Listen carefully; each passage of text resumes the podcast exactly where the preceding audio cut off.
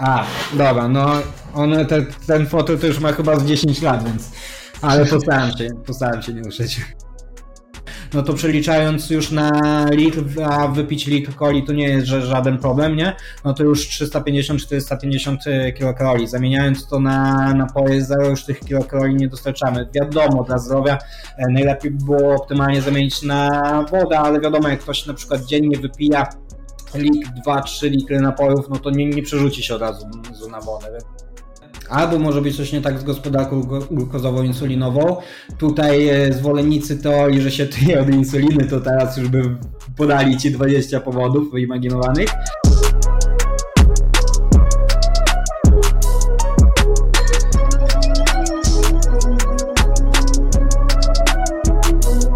Kolejny odcinek podcastu i dzisiaj z nami jest Marek Prawdzik, i na początek, Marku, jakbyś mógł powiedzieć, kim jesteś i czym się na co dzień zajmujesz? E, więc cześć wszystkim i od razu na starcie też e, przepraszam, bo jestem trochę przeziębiony, więc mogę pok pokaszlywać. Nie wiem, czy tutaj Kuba będzie to wycinał moje kaszlanie, czy będziecie na to skazani. E, więc jestem dietetykiem i trenerem personalnym w jednym, ale co istotne, co zawsze staram się zaznaczyć na samym początku, jak mam z kimkolwiek styczność, działam tylko i wyłącznie online. Nie działam stacjonalnie jak typowy dietetyk, jak typowy trener, tylko w 100% e, online. Nigdy nie pracowałem stacjonalnie i nigdy w przyszłości prawdopodobnie nie będę pracował. Okej. Okay. Słuchacze prawdopodobnie już po tytule tego odcinka i też miniaturce mogą się domyśleć, o czym będziemy dzisiaj rozmawiać, e, ale ja tak jeszcze zapytam Cię trochę może, mm, to jest pytanie pod odcinek, zobaczę jak tutaj odpowiesz, e, ale z czym według Ciebie ludzie mają największy problem, jeśli chodzi właśnie o naszą branżę? E, ale masz na myśli, z czym mają największy problem ludzie pracujący w tej branży, czy... Nie, chodzi mi tutaj o osoby właśnie, które powiedzmy chcą coś zmienić, czy to sylwetkę, czy chcą poprawić e, swoje zdrowie. Z czym mają największy problem? E, z tym, że narzuc... wydaje mi się, że z tym, że narzucają na siebie za dużo, takie podejście 100% albo nic i finalnie z tego mają, że tak no brzydko powiem, te właśnie nic. E, I to jest często pomowane przez trenerów, przez nawet dietetyków i często oni narzucają takie coś na, nawet na swoich klientów, więc nawet e, ktoś może chcieć się e, zmienić i w tym celu zgłosić się do specjalisty, ale zostanie mu narzucone zbyt dużo niż jest w stanie podołać i finalnie temu nie podoła. Nie? Bo wielu dietetyków, ale to bardziej widać wśród trenerów, chociaż e, u dietetyków też bardzo często mi się zdarza, jak przychodzą do mnie ludzie po współpracy z dietetykami, mają dość wygodny styl życia, wiesz, praca mhm. w 100% zdalna, dostosowanie posiłków, praktycznie pójście tylko do innego pokoju zrobić, trenowanie ile praktycznie się chce, w jakich godzinach się chce, to jest bardzo wygodne, tylko jest ten błąd, że oni to później to samo próbują przerzucić na swoich podopiecznych, którzy nie są w stanie temu podołać, e, a i często ci podopieczni później myślą, że to ich wina, bo nie są w stanie być, że tak powiem, fit i później nie dość, że mają nieudaną współpracę, to później nie próbują jeszcze raz, tylko się definitywnie zniechęcają do tego, bo są przekonani, że po prostu to nie jest dla nich. Mhm. No, czyli można to poniekąd y, połączyć, przynajmniej trochę, z tym, o czym my dzisiaj będziemy rozmawiać, czyli z tym brakiem czasu. Bo jednak, jak wiemy, gro osób nie ma, nie może aż poświęcić tylu godzin, nawet w ciągu tygodnia, na właśnie rzeczy związane z byciem tak zwanie właśnie fit, bo mają pracę, mają rodzinę, a oni też chcą się właśnie cieszyć z tego procesu, czy to, nie wiem, redukcji, czy po prostu kształtowania sylwetki. Dokładnie tak. No, jednak się nie oszukujmy, to jest dodatek do życia. Nie? Jeśli nie, nie jesteś trenerem, jeśli nie jesteś zawodnikiem, jeśli nie masz, nie wiem, 20 lat i twoim jedynym stresem w życiu jest to, że w Lidze Legend spadłeś z Golda trójki do Golda dwójki, tylko masz jednak życie, masz życie prywatne, masz życie rodzinne, masz życie zawodowe, no to to kształtowanie sylwetki powinno być dodatkiem, które finalnie ma na celu poprawę jakości twojego życia, a nie odebranie go całkowicie a co za tym idzie, będziesz mógł o wiele mniej zaangażowania włożyć w ten proces niż właśnie te osoby, które, dla których kształtowanie sylwetki jest jednym z topowych priorytetów na swojej liście życiowej, nie? że tak to ujmę. Okej, okay. to zaczynając w sumie temat, o którym dzisiaj będziemy rozmawiać, od czego ty byś zaczął? Jakbyś dzisiaj właśnie był, mm, powiedzmy, trenerem dla osoby, która powiedzmy wchodzi w ten świat, mm, od czego ty byś zaczął? Czy to odżywianie, czy to trening diety byłby tutaj ważniejszy, jeśli chodzi o to, kiedy ta osoba ma mało czasu na zagospodarowanie go w ciągu właśnie tygodnia, na poprawę czy to sylwetki, czy właśnie zdrowia. To znaczy zależy, co masz y, na myśli, co ta osoba w, tak w zasadzie chce osiągnąć, bo najlepiej jest łączyć aktywność fizyczną z poprawą żywienia. Nie? To jest naj, naj, najlepsza opcja, nawet małymi kroczkami, y, ale jeśli jak już wybierać y, między nauką, że tak powiem, treningu, a nauką żywienia, jakby już z jakiegoś względu było trzeba wybierać, no to jeśli wiadomo, chcesz rozwinąć masę mięśniową, no to tutaj trening będzie podstawą, nie? Ale jeśli chcesz na przykład schudnąć albo przybrać na wadze, no to tutaj dieta będzie kluczowa do pewnego stopnia, jak włączysz trening, to poprawisz swoją sylwetkę, nawet jeśli twoje żywienie będzie na dość kiepskim poziomie, wiadomo, do bardzo ograniczonego poziomu, ale poprawisz. No a jednak samą dietą masy mięśniowej nie zbudujesz, prawda? Więc to mhm. wszystko zależy od tego, jaki cel ma dana osoba, nie? Okej, okay, to znaczy, wiesz, ja chcę, żebyśmy my zaraz poruszyli i jeden, drugi temat, ale może, wiesz, to, co mówiłeś na początku, zasada 100% albo nic. I ja też jestem tutaj w obozie tego, żeby stopniowo sobie nakładać jakieś cele i po prostu te cele powoli sobie osiągać, a nie zmieniać wszystko od razu. Dlatego na początek, jakbyś właśnie zaczął współpracę z taką osobą, jakie może nawyki, bo myślę, że od nawyków tutaj warto jest zacząć. Co byś ty takiej osobie radził też z twojego doświadczenia, co się sprawdza? Jakby ktoś się do mnie zgłosił nie do współpracy, tylko załóżmy jakiś znajomy poprosił rady, tak? Mhm.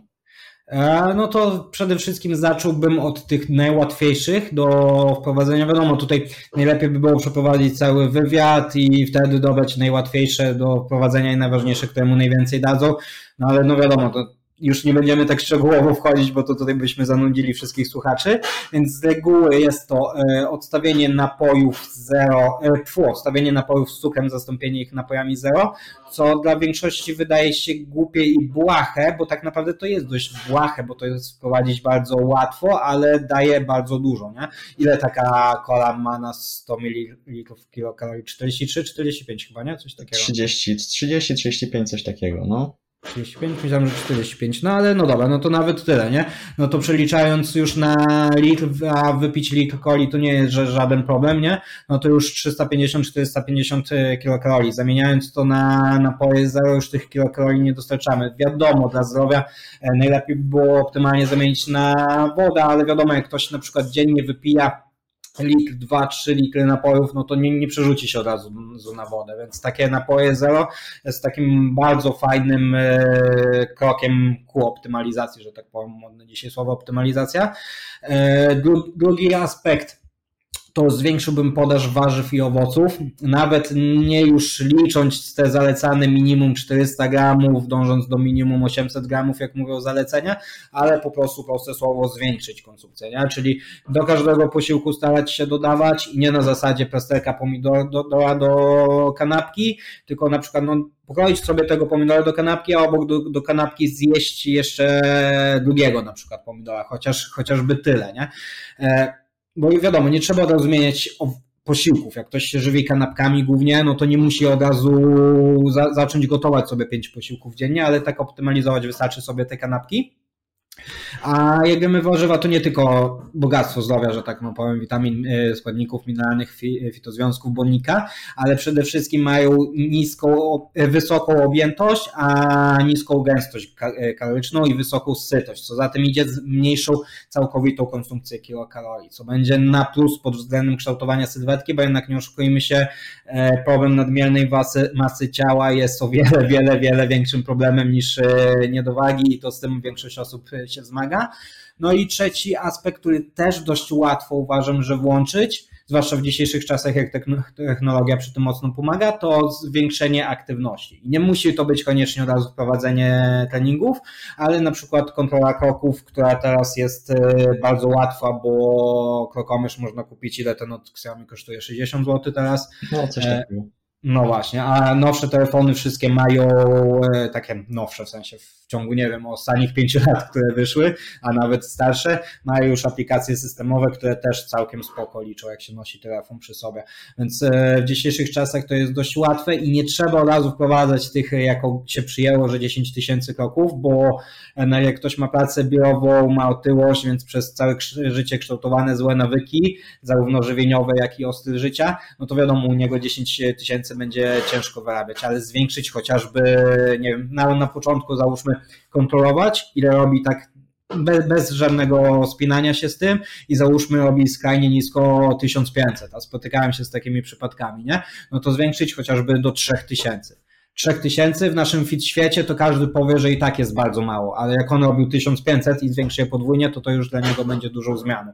I jak już te 3000 wyrobi sobie nawyki, że te 3000 mu będzie wpadało tak o, nawet bez skupiania się na tym, no to wtedy stopniowo zwiększać, nie? Bo tym jest właśnie wyrabianie nawyków. Wyrabianie nawyków ma za zadanie nie na narzucanie jakiegoś reżimu, że stale kontrolujemy kroki, ważymy każde warzywo, żeby ileś, ileś padało, tylko to ma na celu właśnie na początku kontrolę tego, żeby to później stało się naszym nawykiem i podświadomie to wpadało, te wszystkie zmiany, nie? Mhm, jasne, rozumiem.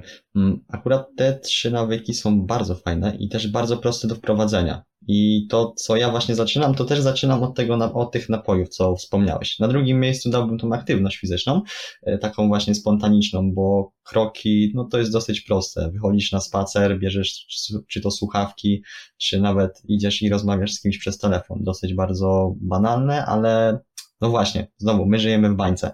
Dla nas to się wydaje proste, a dla kogoś, wiesz, wyjście nawet na 10 minut może czasem okazać się bardzo trudne. Przyjdzie zmęczony e, i, pra i prawdopodobnie też yy, wtedy, jak będzie bardziej zmęczony, to też pojawi się jakieś podjadanie, czy po prostu zjedzenie czegoś więcej i nadrabianie właśnie tym jedzeniem, bo o, zmęczył się, jestem zmęczony, to muszę teraz zjeść. Tak, to też jest ważny aspekt, tylko ja właśnie też nie jestem zwolennikiem, żeby te kroki robić na takiej zasadzie, że wiesz, że właśnie zostawiasz na sam wieczór, żeby dobić się spacerem, typu załóżmy, no starasz się załóżmy robić te 10 tysięcy kroków, to ja staram się wyzbywać u ludzi i u siebie tego, że e, właśnie wieczorem zostawiasz to na wieczór, dobijesz te 3000 w ciągu dnia, a wieczorem robisz 7 tysięcy kroków takim przymuszonym spacerem, jak to powiedziałeś, że właśnie wychodzisz na spacer wszystko, bo e, ty właśnie takie podałeś przykład, to jest fajna opcja, wychodzisz, włączasz sobie słuchawki, słuchasz podcastu, to jest super, to jest genialne, tak sam swego czasu robiłem, ale jednak dużo ludzi nie ma czasu na taki dodatkowy spacer. Ja z reguły staram się uczyć takich nawyków, e, żeby te kroki robić po prostu przez cały dzień. Typu wiesz, e, w biurze, jak e, mam ludzi pracujących w biurze, to żeby nie prosili kogoś o zrobienie kawy, tylko wstali, pójść kawę. Zawsze to w ciągu dnia tych kilkaset kroków w ten sposób się zrobi, że jak jadą do sklepu, bo mają sklep daleko i nie pójdą z buta, co wiadomo, najlepiej by było iść z buta, to postawić samochód na drugim końcu parkingu i się przejść, to też kroków robi plus do tego samochód bezpieczniejszy, bo tam wiesz, na końcu mało kto parkuje, to małe ryzyko, że ktoś zarysuje. Jeśli coś mamy blisko do załatwienia, to pójść właśnie piechotą albo rowerem, jeśli jest ciepło i tak na zasadzie, że wyrabianie tych kroków przez cały dzień takimi małymi po prostu zmianami. Nie? Tam, gdzie się da wprowadzanie aktywności po robieniu po dodatkowych 20 kroków, e, za innym razem zrobienie dodatkowych 200 kroków i w ciągu dnia to się zmienia. Nie? Ja nie pamiętam, kiedy ostatnio wyszedłem na taki spacer dla samego spaceru, nie? E, krok jakby podliczyć średnio, no teraz byłem chory, to mi spadło nisko, ale tak z reguły trzymam na poziomie 8-10 tysięcy, w zależności od miesiąca, czy jest ciepło, czy nie, a już nie pamiętam, kiedy ostatnio wychodziłem na właśnie taki spacer dla samego spaceru, nie?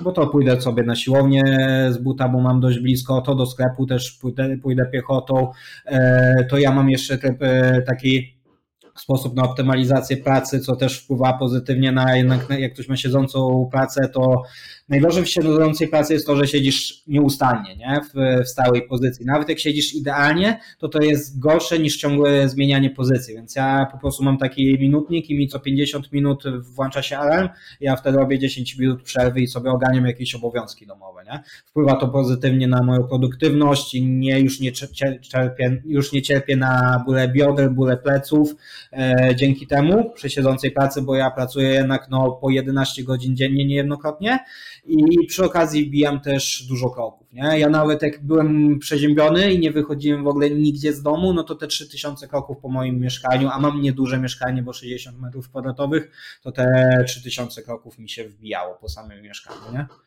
Mhm. No, czyli tak jak e, tutaj dużo osób powtarza, nie szukamy wymówek, tylko szukamy rozwiązań i to, co jesteśmy w stanie e, wprowadzić, to po prostu wprowadzajmy. Mm, zostajmy przy kwestii odżywiania. Cofnijmy się troszkę. E, zostajmy przy tej kwestii i chciałbym omówić na początku te tematy. E, mam przygotowane tutaj właśnie parę takich pytań, parę takich tutaj mm, kluczowych rzeczy, które ty też dostałeś. I na początek może porozmawiajmy sobie o planowaniu. O planowaniu czy to posiłków, czy planowaniu zakupów. Mm, czy dla Ciebie jest to coś, co warto jest faktycznie wprowadzić, co może zaoszczędzić w jakikolwiek sposób ten czas? E, znaczy to zależy, nie? Bo ja e, w swojej ofercie, jeśli chodzi o moich podopiecznych, mam e, jakby współpracę rozszerzoną, tak to na stronie mam nazwane, i podstawową. Rozszerzony, ja rozpisuję jadłospis, to wtedy dostaję rozpiskę, co którego dnia mają zjeść, zjeść dokładnie oczywiście dostosowaną do nich i też listę zakupów. I dużo osób mocno to wychwala, że to jest mocno wygodne i często się do mnie zgłaszają ludzie, którzy wcześniej byli na IFM, czyli na samodzielnym liczeniu kilokalori i mówili, że ja, y, rozpiska konkretna mocno optymalizuje czas zarówno w kuchni, jak i na zakupach, dzięki właśnie tej liście zakupów, y, ale ja u siebie i u ludzi, których prowadzę na właśnie samodzielnym liczeniu, czyli na IFM, y, stosuję, tak, stosuję taką zasadę, staram się też jej uczyć, że nie mieć jakiejś dużej gamy, że tak powiem, posiłków, nie? Typu masz na przykład załóżmy cztery posiłki śniadaniowe, nie? które ci pasują pod względem smakowitości, pod względem sytości, pod względem e, czasu poświęcania na nim, pod względem stopnia zaawansowania tego, jakie masz zdolności kulinarne. No i zgubiłem wątek, jak, jak się rozgaduje. No i jak wchodzisz do kuchni właśnie, jak masz je, e, zjeść śniadanie, to nie stoisz 10 minut e, przed lodówką, rozmyślasz się co zjeść, nie analizujesz co jest, tylko od razu wchodzisz automatycznie i wiesz co zjesz, któryś jeden z tych czterech posiłków. To też w ten sposób mocno optymalizuje właśnie, tak jak wspomniałeś, tą listę zakupów właśnie, że tworzenie jej, bo nie musisz jej tworzyć, tylko po prostu idziesz do sklepu i wiesz, co kupić, bo wiesz, jakie posiłki zjadasz. To oczywiście ważne, te posiłki powinny być też odpowiednio no, zbilansowane, nie? Ale cztery, tak trzy, cztery, pięć, w zależności kto jak preferuje, to zazwyczaj daje to, że jak w miarę masz różnorodną dietę zdrową, dbasz o podaż warzyw i owoców, to tak naprawdę ciężko jakieś niedobory, nie? Bo dieta tak naprawdę nie musi być, dieta różnorodna to nie jest tak jak dużo osób postrzega, że przez dwa tygodnie masz jeść codziennie, tak jak wspomniałem właśnie na tych przykładzie śniadań, że masz jeść codziennie inne śniadanie, nie? Typu jesz y, cztery posiłki dziennie i każdy posiłek musi być inny przez cały tydzień, później przez następny drugi tydzień, później po dwóch tygodniach wymieniasz, tak wiem, że dietetycy niestety działają, co też w ogóle dla mnie jest śmieszne, niepraktyczne, e, a bazować na tych posiłkach po prostu, które ci pasują. Nie? Ja jak podopieczni się do mnie zgłaszają, to często jest tak, że te same posiłki mają przez e, wiele miesięcy. I to nie temu, że ich zmuszam do jedzenia tego, tylko po prostu one im tak bardzo pasują, że zmiana jadłospisu to często jest wymiana jednego, dwóch posiłków, nie? bo już się powoli zaczyna przejadać. A tak to by niektóre posiłki potrafią jechać kilka miesięcy. Okej, okay, dobra. E, taka jeszcze mała uwaga. Jakbyś mógł e, nie ruszać się zbytnio na krześle, bo to trochę ten skrzypi, wiesz? A, dobra, no on, te, ten fotel to już ma chyba z 10 lat, więc. Ale postaram się, postaram się nie ruszyć. Okej, okay, dobra. E, to to, o czym powiedziałeś o tym, że e, ludzie właśnie albo lubią bazować e, na stałych posiłkach, czyli jeść ciągle w kółko to samo, albo mają nie wiadomo jak różnorodną tą dietę, to tutaj znowu nie możemy popadać w dwie skrajności, czyli jeść cały czas tego samego, albo wiesz, co chwilę jeść coś nowego, bo właśnie to jest złe podejście, tak według mnie, bo to są no, już duże skrajności, w które ludzie mm, popadają.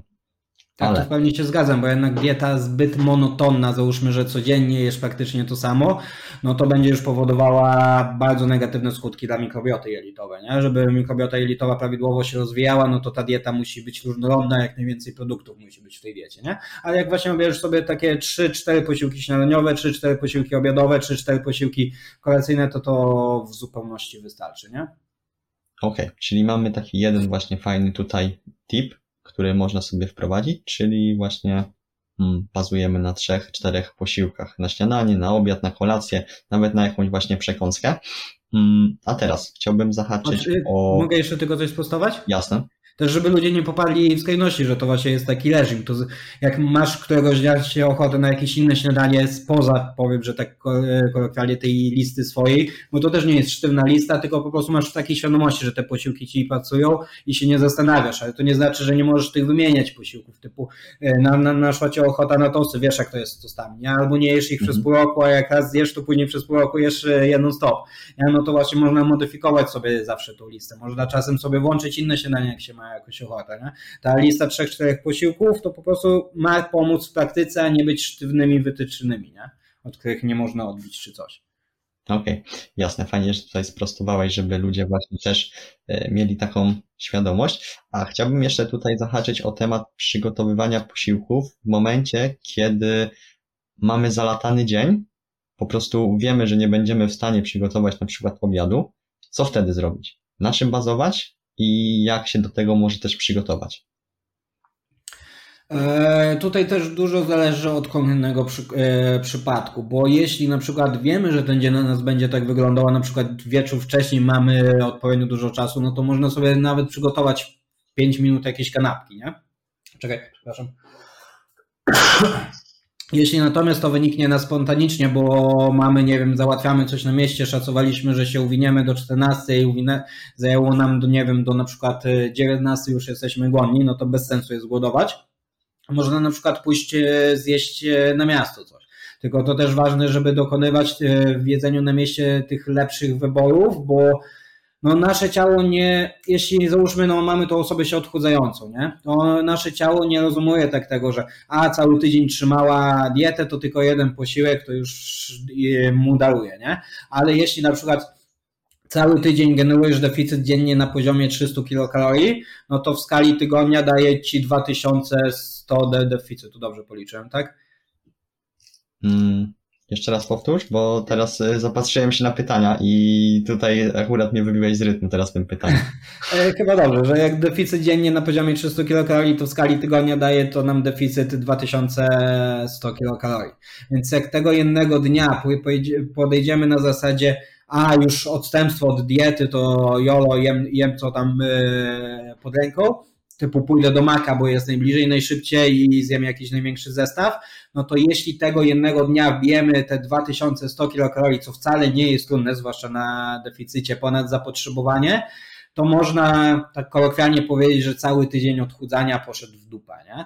Wiadomo, życie, nasz organizm to nie jest matematyka jeden do jednego, a tutaj do inne inne mechanizmy, na przykład poprzez NIT zaczniemy wydatkowywać trochę więcej albo mniej, bo nas zmuli, więc to nie jest tak jeden do jednego, ale można tak mocno uprościć, nie? że cały tydzień deficytu będzie w dupę, więc jak jemy na mieście, to warto jednak zwracać uwagę na to, co jemy. Nie? Wiadomo, nie wszystkiego policzymy i nie mówię tutaj o liczeniu kilokalorii z takiego posiłku na siłę, ale jednak warto dokonywać tych lepszych wyborów, a nie na zasadzie, że posiłek na mieście to posiłek na mieście już nieistotne, co wpadnie.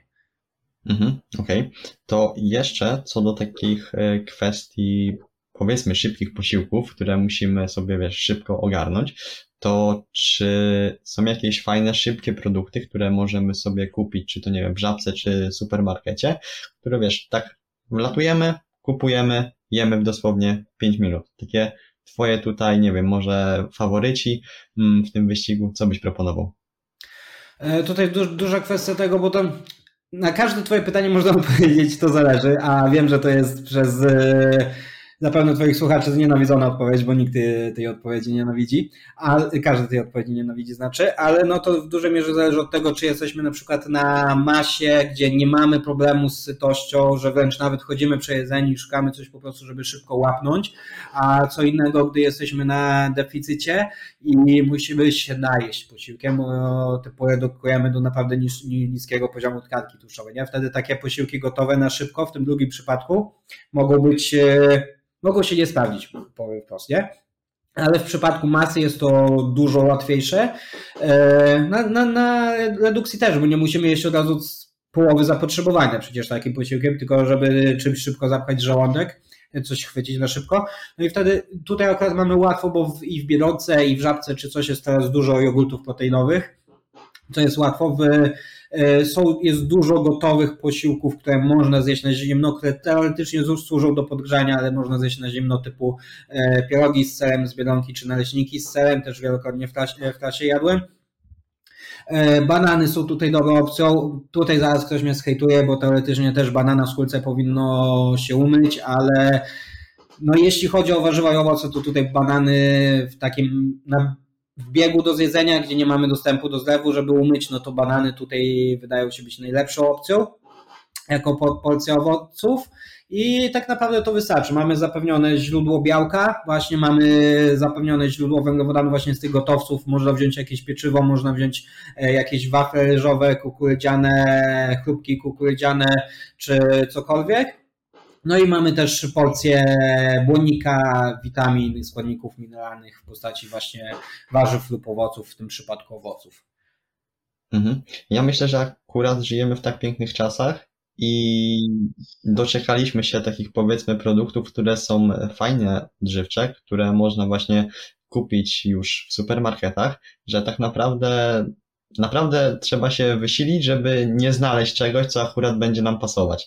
Także tutaj znowu, nie szukamy wymówek, a szukamy rozwiązań. Bo tak jak mówiłeś, dzisiaj mamy bardzo dużo jakichś tam produktów proteinowych, które ok, czasem kosztują trochę więcej, ale faktycznie mają ten dobry skład, nie? Mm, bo tak naprawdę cofając się, nie wiem, 10 lat wstecz, takim podstawowym źródłem białka na tamty czas to wiesz, serek wiejski albo twaróg. To takie wiesz, jedyne co mogłeś sobie tak na szybko kupić i jeszcze w jakikolwiek sposób zjeść w trasie. A dzisiaj? Dzisiaj tak naprawdę mamy tego bardzo dużo. Tak, to jest prawda. I tutaj dobrym przykładem są e, napoje zero. Nie? Jak zaczynałem, to była tylko kola w cudzysłowie bezsmakowa zero, e, a i tak była traktowana w fit świecie jako taki, wiesz, raz, raz od święta. Teraz zajdziesz do byle żabki, którą masz na każdym rogu praktycznie i masz ile? 20-30 napojów e, zero, licząc w to wszystkie smaki coli tego do, do, do wyboru, więc Dzisiaj być fit jest bardzo łatwo, nie? Tak samo właśnie na produktach proteinowych. E, makro już coraz częściej nawet w knajpach zaczyna być widoczne, więc teraz to tak naprawdę no można to tak uprościć, że dużo ludzi szuka wymówek, ale to w dużej mierze temu, że nie ma nawet podstawowej wiedzy. Nie? I jakby tych ludzi, którzy szukają wymówek, jeśli naprawdę by chcieli osiągnąć te wyniki, to wystarczy, że trafią na kogoś, kto im prosto wytłumaczy takie skrajne podstawy, fundamenty i już e, będą mogli fajnie sobie działać. Nie? Mhm. I właśnie nawet wytłumaczenie czegoś takiego, jak zamiana, to co powiedziałeś na początku tego podcastu. Zamienienie właśnie napojów słodzonych cukrem na te typu zero. I naprawdę, ten jeden prosty nawyk może bardzo dużo zmienić na przestrzeni tygodni i miesięcy. Taka prosta zmiana, a naprawdę Przynajmniej mi się wydaje, że to jest chyba taki największy błąd, który ludzie popełniają.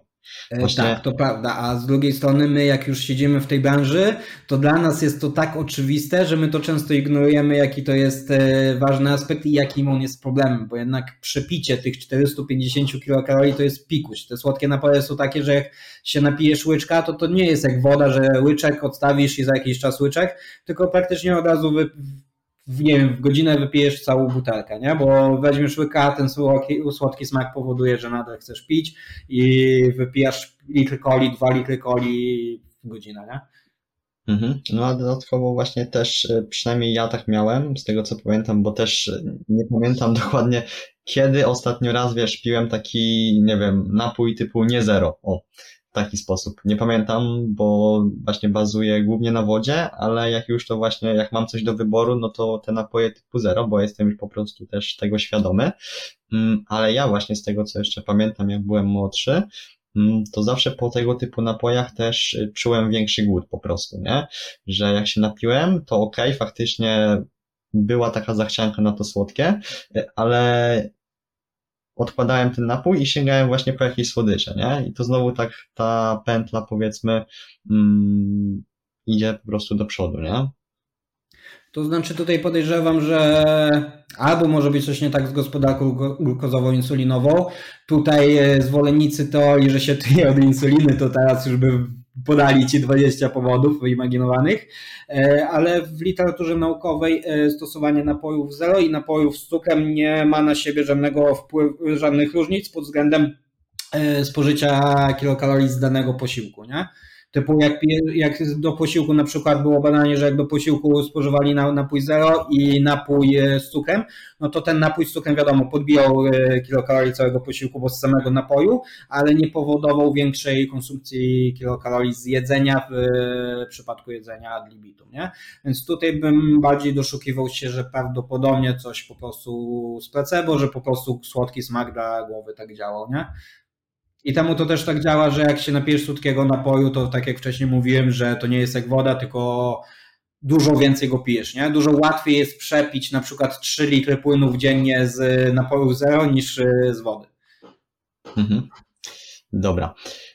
Teraz może przejdźmy do tematu treningu, treningowych, bo chyba myślę, że możemy zamknąć aspekt odżywiania, chyba że ty chciałbyś jeszcze coś poruszyć, coś, co jest y, warte poruszenia, takie, jeśli chodzi o takie totalne podstawy, bo oczywiście, tak jak mówisz, możemy tutaj zagłębiać się w każdy osobny przypadek, ale właśnie chcę, żeby to trafiło do jak najszerszego grona, żeby każdy też coś wyniósł y, z tego odcinka, coś dla siebie. E, ja ogółem e, mam coś takiego, taki rodzaj współpracy, bo w indywidualnym podejściu polega, że nie trzymasz się raz utartych metod, tylko do każdej osoby doszukujesz, szukasz metod, które najlepiej wpłyną e, na nie, nie. I mam kilka takich osób, to znaczy aktualnie mam jedną, ale miałem, odkąd prowadzę ludzi, kilka takich, że wprowadzamy właśnie stopniowo zdrowe nawyki żywieniowe, że Ktoś zaraz by, by, mi może zarzucić, że ktoś mi płaci, nie wiem, 950 zł za pierwszy miesiąc współpracy rozszerzonej, bo takie mamy stawki, a ja mu mówię na samym początku nie pij e, na napojów z cukrem i to wszystko, nie? Ale właśnie mam, miałem ludzi, z którymi tak działałem, że właśnie takie nawyki wprowadzaliśmy, nie? Typu na początku, pierwsze dwa tygodnie nie pij napojów z cukrem, nie? I to praktycznie wszystko, co moje, moje zadanie było przez te dwa tygodnie. On mi meldował po dwóch tygodniach, e, jak się tego trzymał.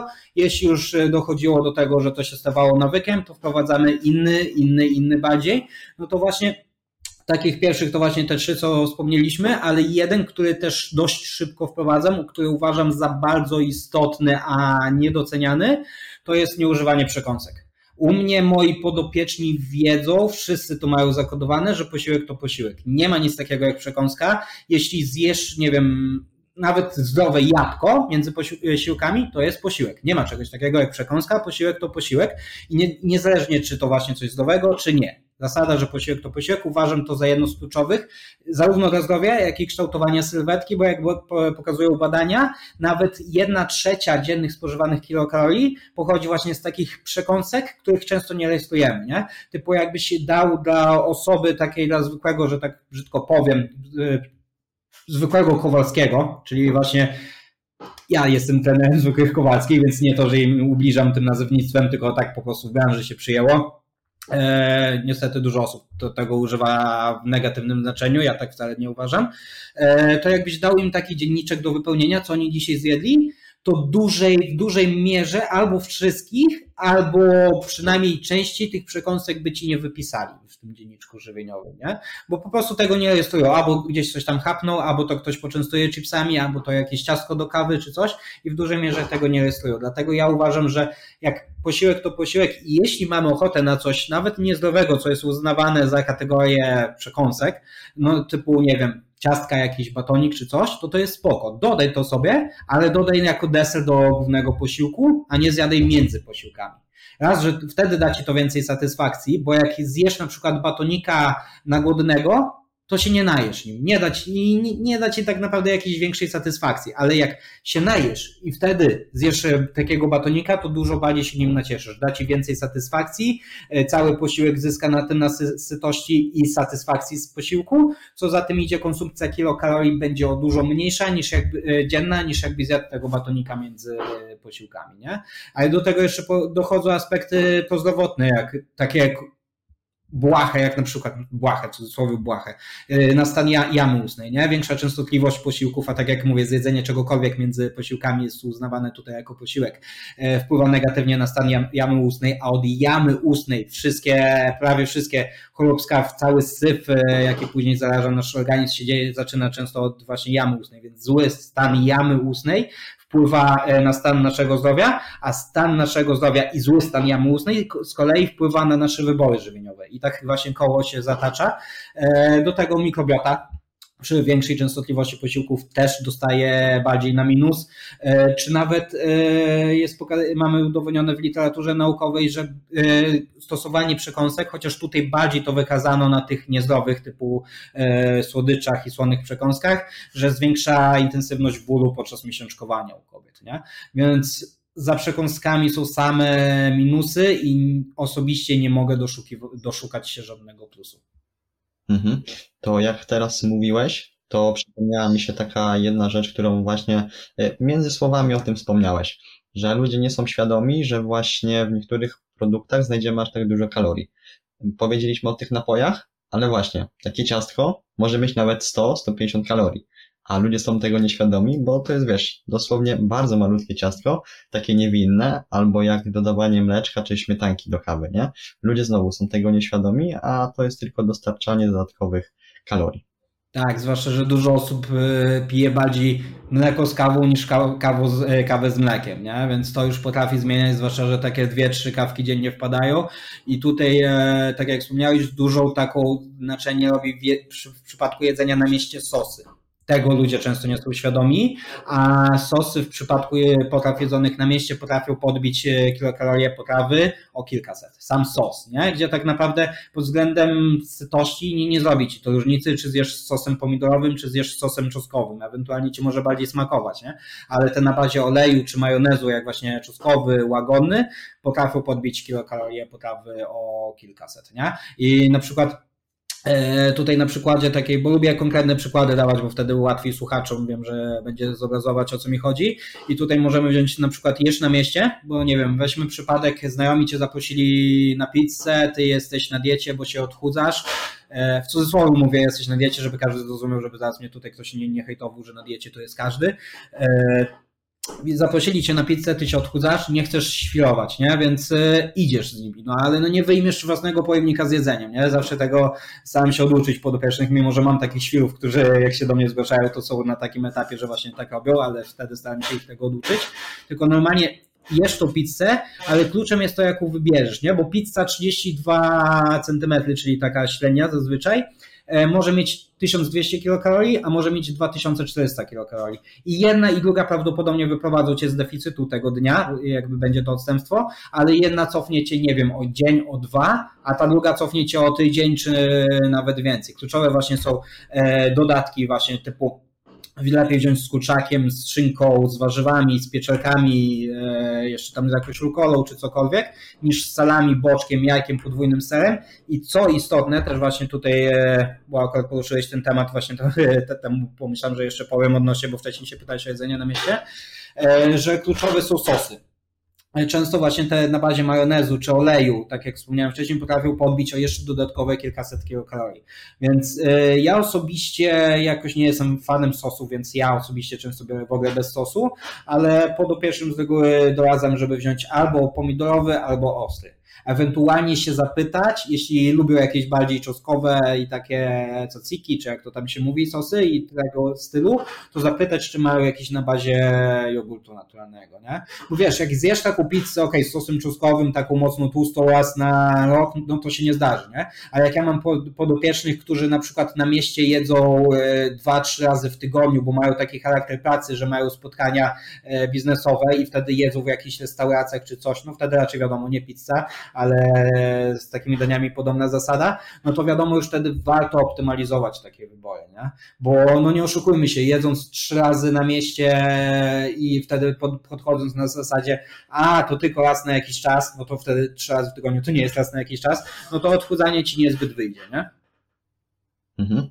Dobra, mieliśmy odejść od kwestii odżywiania, ale przypomniałem mi się przepraszam, ale tak poruszyłeś ten temat i jeszcze tak to znaczy, to znaczy nie, fajnie, fajnie, bo też teraz mi się zapaliła taka lampka w głowie odnośnie e, cateringów, bo wiem, że wiele osób z tego też e, korzysta mm, i czy ty tutaj byłbyś zwolennikiem? Czy jednak e, cateringi faktycznie to jest, jeżeli oczywiście ktoś może sobie na to pozwolić, czy jest to plus, czy raczej jest to na minus? No w teorii cateringi są wygodne, nie chcę też uogólniać, bo pewnie jakiś dobry catering by się znalazł, ale z tego, co moi podopieczni mieli styczność, a czasem tak bywało, ale to bardzo okresowo na krótki czas albo przed współpracą ze mną i mi opowiadali, E, ja z reguły dostawałem e, oferty na współpracę, żeby przetestować darmo jakiś catering, ale odmawiałem, bo to jednak trochę by się kłóciło z tym, co ja zawsze promuję, czyli że właśnie dieta może być wygodna, prosta.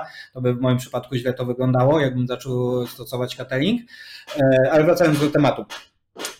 Cateringi z reguły mają ten duży minus, już nawet nie mówię o tym, że są niedokładne albo coś, co dużo osób mówi, ale to, co ja zauważyłem, to są niezadowalające pod względem sytości. I miałem wielokrotnie takie przypadki, że podopieczni na przykład e, przez współpracę zamawiali tam dietę, bo chcieli stosować typu 2-400 e, kilokalorii, zamawiali taką dietę i ona ich w ogóle nie syciła, powodowała, że oni między tymi posiłkami podjadali, albo posiłki, które mieli przeznaczone na cały dzień na te 2-400 już o 16 się kończyły, bo by byli głodni i później w domu po pracy przychodzili i jeszcze jedli dodatkowe kilokalorie, e, więc się temu po prostu najzwyczajniej nie sprawdzało, bo E, jeśli jesteś na redukcji, nie? E, załóżmy, no to nie możesz być jakoś za bardzo, że tak powiem, wybredny, bo kluczowe do doprowadzenia redukcji do końca, do niskiego poziomu, bo nie mówię o zgubieniu 5 kg na przykład mając nadwagę, ale ja mówię, mówiąc o takiej dłuższej, poważniejszej redukcji, musisz e, stawiać mocno na sytość posiłków, a wypośrodkowanie poziomu smakowitości posiłków e, jest jednym z elementów sytości, czyli posiłek nie może być jakiś super pyszny wszystko, a te cateringi jednak celują do ogółu społeczeństwa, nie tylko do ludzi się odchudzających, więc nie mogą dać ci coś, co będzie zjadliwe, co oczywiście na, redukcji zjesz, bo nie mówię, żeby jeść niesmacznie na redukcji, broń Boże, nie mam tego na myśli, ale coś, co będzie tylko ok, nie? Co, coś, co wtedy klient powie, kurde, takie coś to ja sobie mogłem samemu zrobić. Więc y, stawiają, wiesz, to jakieś właśnie sosy, tutaj jakieś dodatki e, do tych posiłków, to jakieś wymyślne fit desery, takie coś i to tak naprawdę nie syci. To jest ok, gdy nie wiem, chcesz po prostu się lepiej odżywiać, nie chcesz redukować, nie chcesz być w deficycie, nie chcesz kształtować sylwetki, tylko po prostu masz duży zapierdziel w pracy, e, chcesz po prostu, żeby jakość twojej diety pod względem jej właściwości prozdrowotnych mocno nie podupadła w tym czasie, gdy jesteś za, za zabiegany taki, nie chcesz się żywić samymi kebabami i gotowcami, no to wtedy cateringi tak jak najbardziej, ale przy kształtowaniu sylwetki, zwłaszcza odchudzaniu, e, uważam, że to w zdecydowanej większości przypadków będzie nie wypał. Dobra. To teraz w końcu przejdźmy do, do tematów e, treningowych, o których mieliśmy już chyba 12 minut temu porozmawiać, ale to nic, nic tutaj się oczywiście nie stało. Myślę, że słuchacze też się na nas nie obrażą, bo tutaj dodatkowe tematy zostały poruszone. E, wspomnieliśmy już o takiej aktywności związanej z e, krokami. Ale co poza tym? Co można jeszcze do tego dorzucić, jeśli tą sylwetkę chcemy kształtować? Oczywiście najlepszym narzędziem tutaj będzie trening siłowy. No ale właśnie, czy ktoś musi chodzić na te treningi 4-5 razy w tygodniu, żeby tą sylwetkę kształtować, czy wystarczy te 2-3? Absolutnie. Cztery, znaczy, no wiadomo, trenując 2-3 razy w tygodniu, no nie zostaniesz kulturystą światowego poziomu, nie zostaniesz mistrzem Olimpia. Przepraszam, to musimy sobie to od razu powiedzieć na start, ale fajną sylwetkę plażową, wysportowaną, z prześwitującymi mięśniami brzucha, jak najbardziej można sobie wypracować trenując 2-3 razy w domu.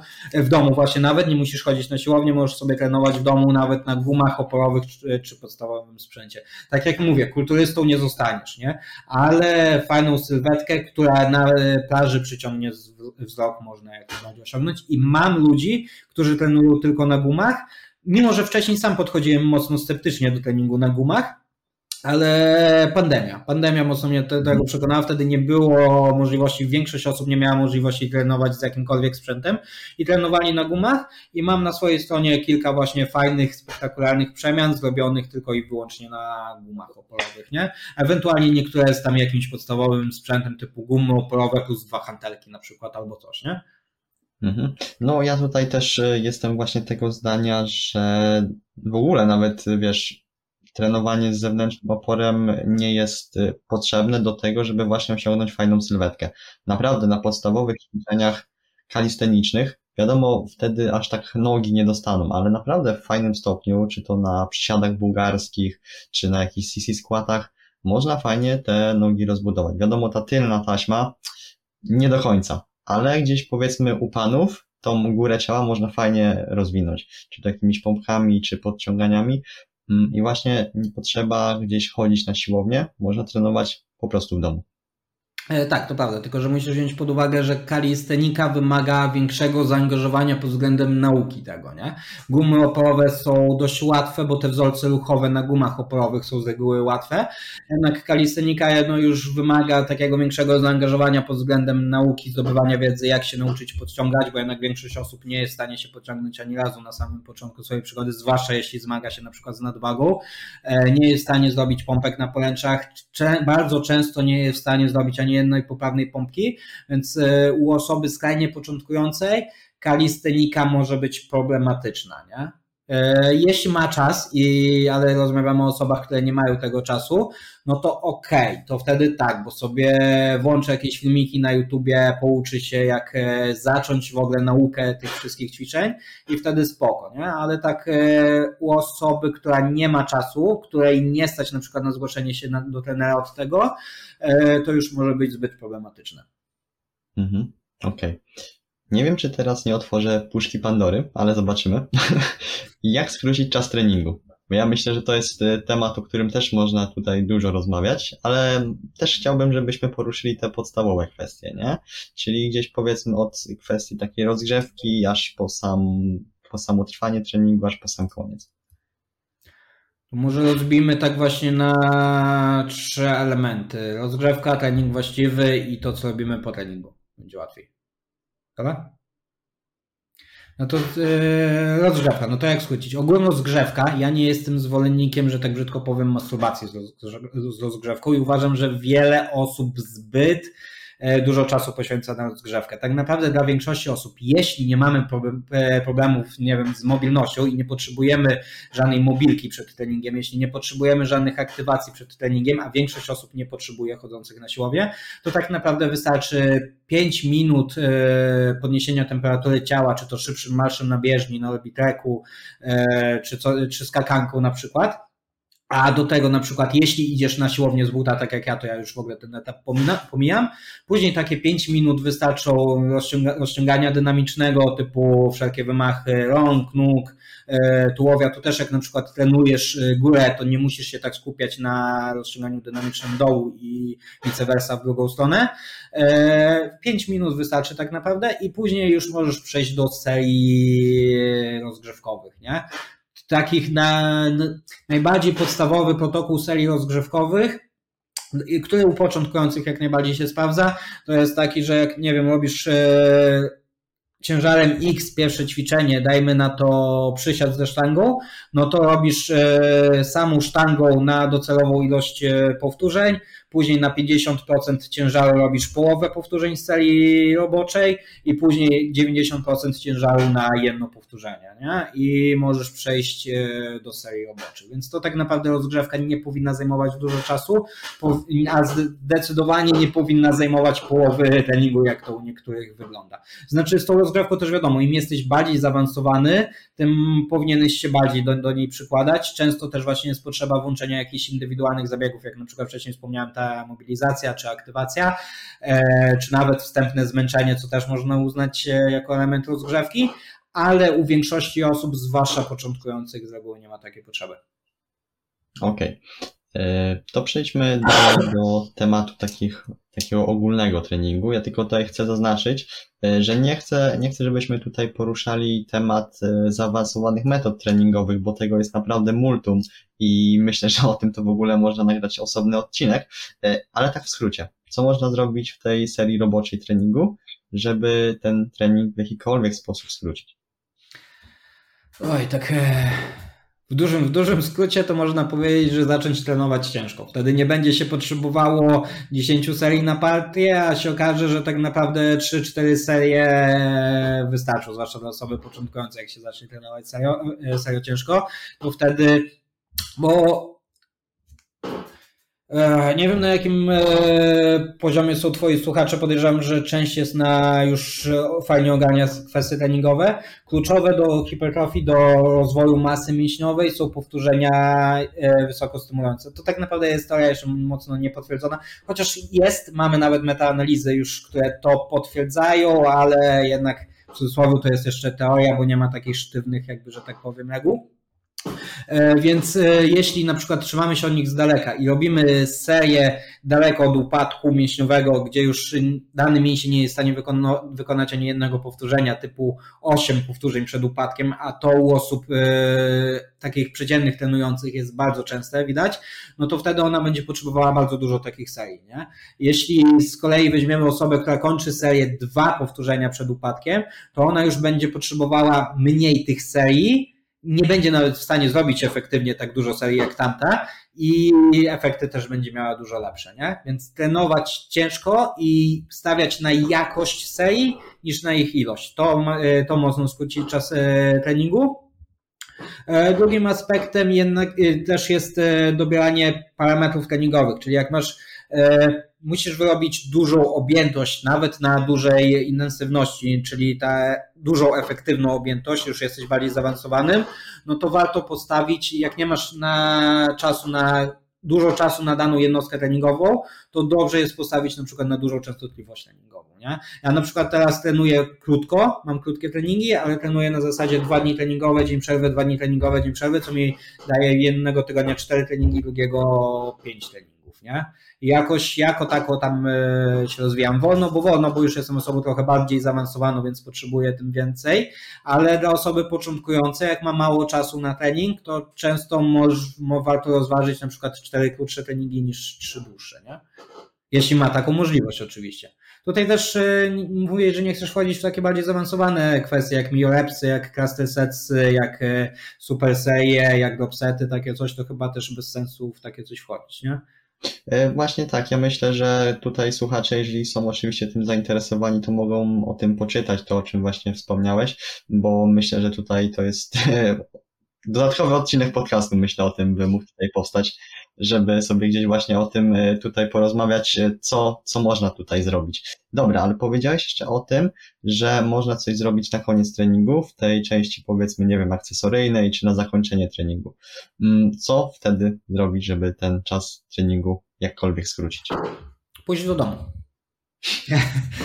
tak naprawdę dużo osób, e, znaczy wiadomo, jak masz, nie wiem, rozpisane przez trenera, czy sam zwiększasz aktywność, bo masz mało kroków, redukujesz, musisz zwiększyć aktywność i masz do zrobienia jeszcze cardio po treningu, no to wiadomo, i zrób to cardio, nie? Ale dużo osób niepotrzebnie robi jakieś wyciszania, rozciąganie, które nawet rozciąganie będzie wpływało negatywnie po treningu, więc po prostu nie ma co się jakoś na tym rozczulać, a pójść do domu, ewentualnie wziąć prysznic i pójść do domu, nie? Mhm, dobra. Proste, okay. ale skuteczne. Proste, skuteczne. E, słuchaj, jeszcze chciałbym e, poruszyć taką e, kwestię, którą w sumie powinniśmy chyba poruszyć na początku. Bo na temat planowania posiłków powiedzieliśmy, ale tutaj chodzi mi o kwestię planowania treningów i zapisania sobie w kalendarzu na daną konkretną godzinę, że idziemy na ten trening. Przynajmniej w mojej sytuacji się to sprawdza, że jak ja sobie narzucę, że o tej godzinie pójdę na ten trening i wiesz, robię taką umowę sam z sobą, że ja pójdę, to jest łatwiej się tego trzymać, niż pomyśleć sobie w głowie, że okej, okay, pójdę sobie tam na trening o tym i o tym, a będę sobie tak przesuwać, przesuwać i nagle na ten trening nie pójdę. Czyli zaplanować sobie, że faktycznie na ten trening pójdziemy. Mm, tak, dyscyplina mocno pomaga. Tutaj ogólnie jest taka zasada, że im więcej rozmyślasz nad tym, czy iść na trening, tym większe prawdopodobieństwo, że na niego po prostu nie pójdziesz, nie?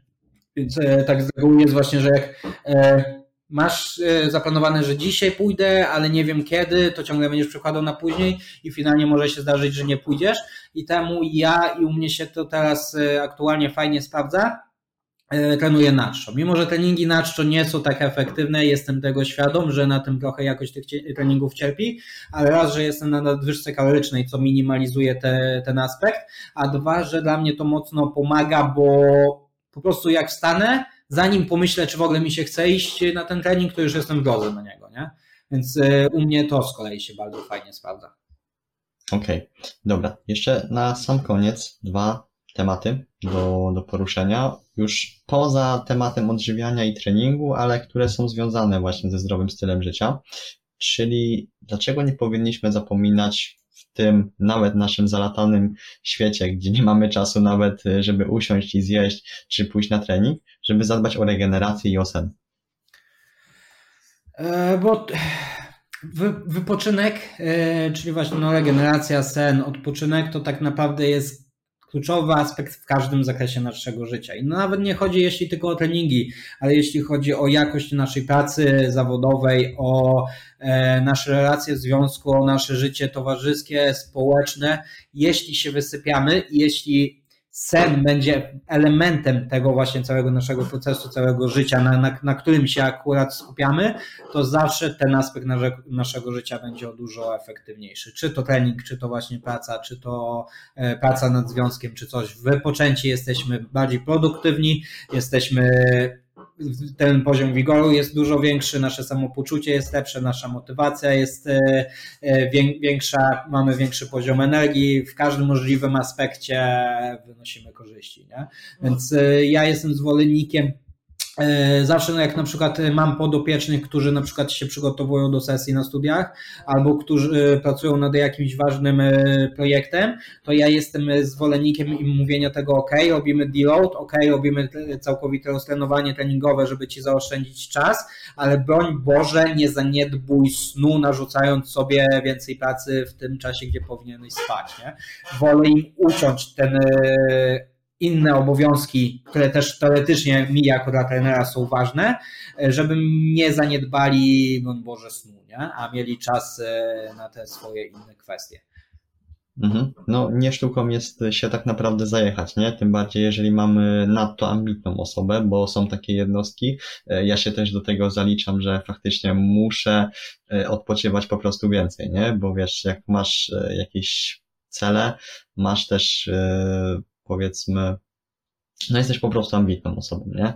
Dążysz do tych celów, ciągle zdobywasz kolejne osiągnięcia, to to też cię napędza i czasem wręcz trzeba takie osoby hamować, stopować, żeby właśnie się nie zajechały. Tak, bo e, mogą sobie, nie wiem, przez tydzień, dwa, trzy, cztery, pięć, niektórzy nawet sześć czy osiem jechać na 100%, a później przez następne trzy, cztery, pięć tygodni będą w stanie tylko jechać na 40%, bo się zajadą. Nie? Ja jestem tego doskonałym przy, e, przykładem.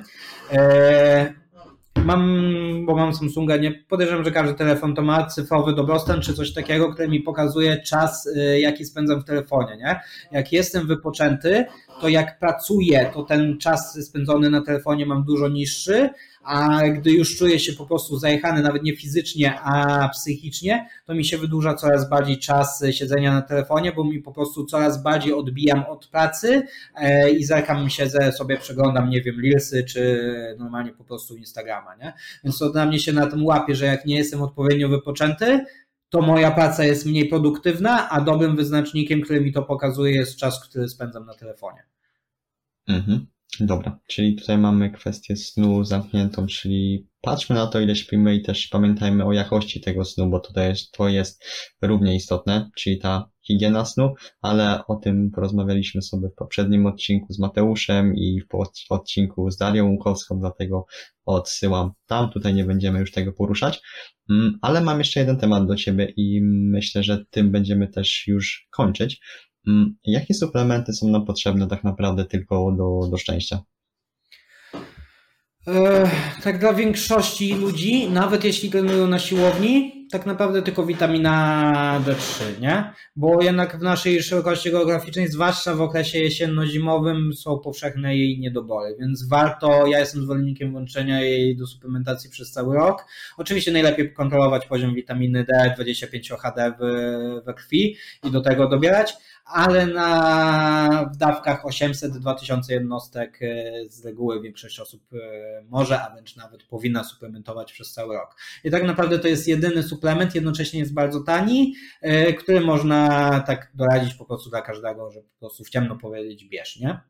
Ewentualnie jak ktoś chce bardziej rozbudować i nie je na przykład tłustych ryb, to warto rozważyć y, omega-3, a konkretnie mówię tutaj o kwasach tłuszczowych EPA i DH, nie? bo ale nie jest tak potrzebne, chociaż też oczywiście warto, ale to tutaj bardziej bym y, postawił na spożywanie w diecie. Nie?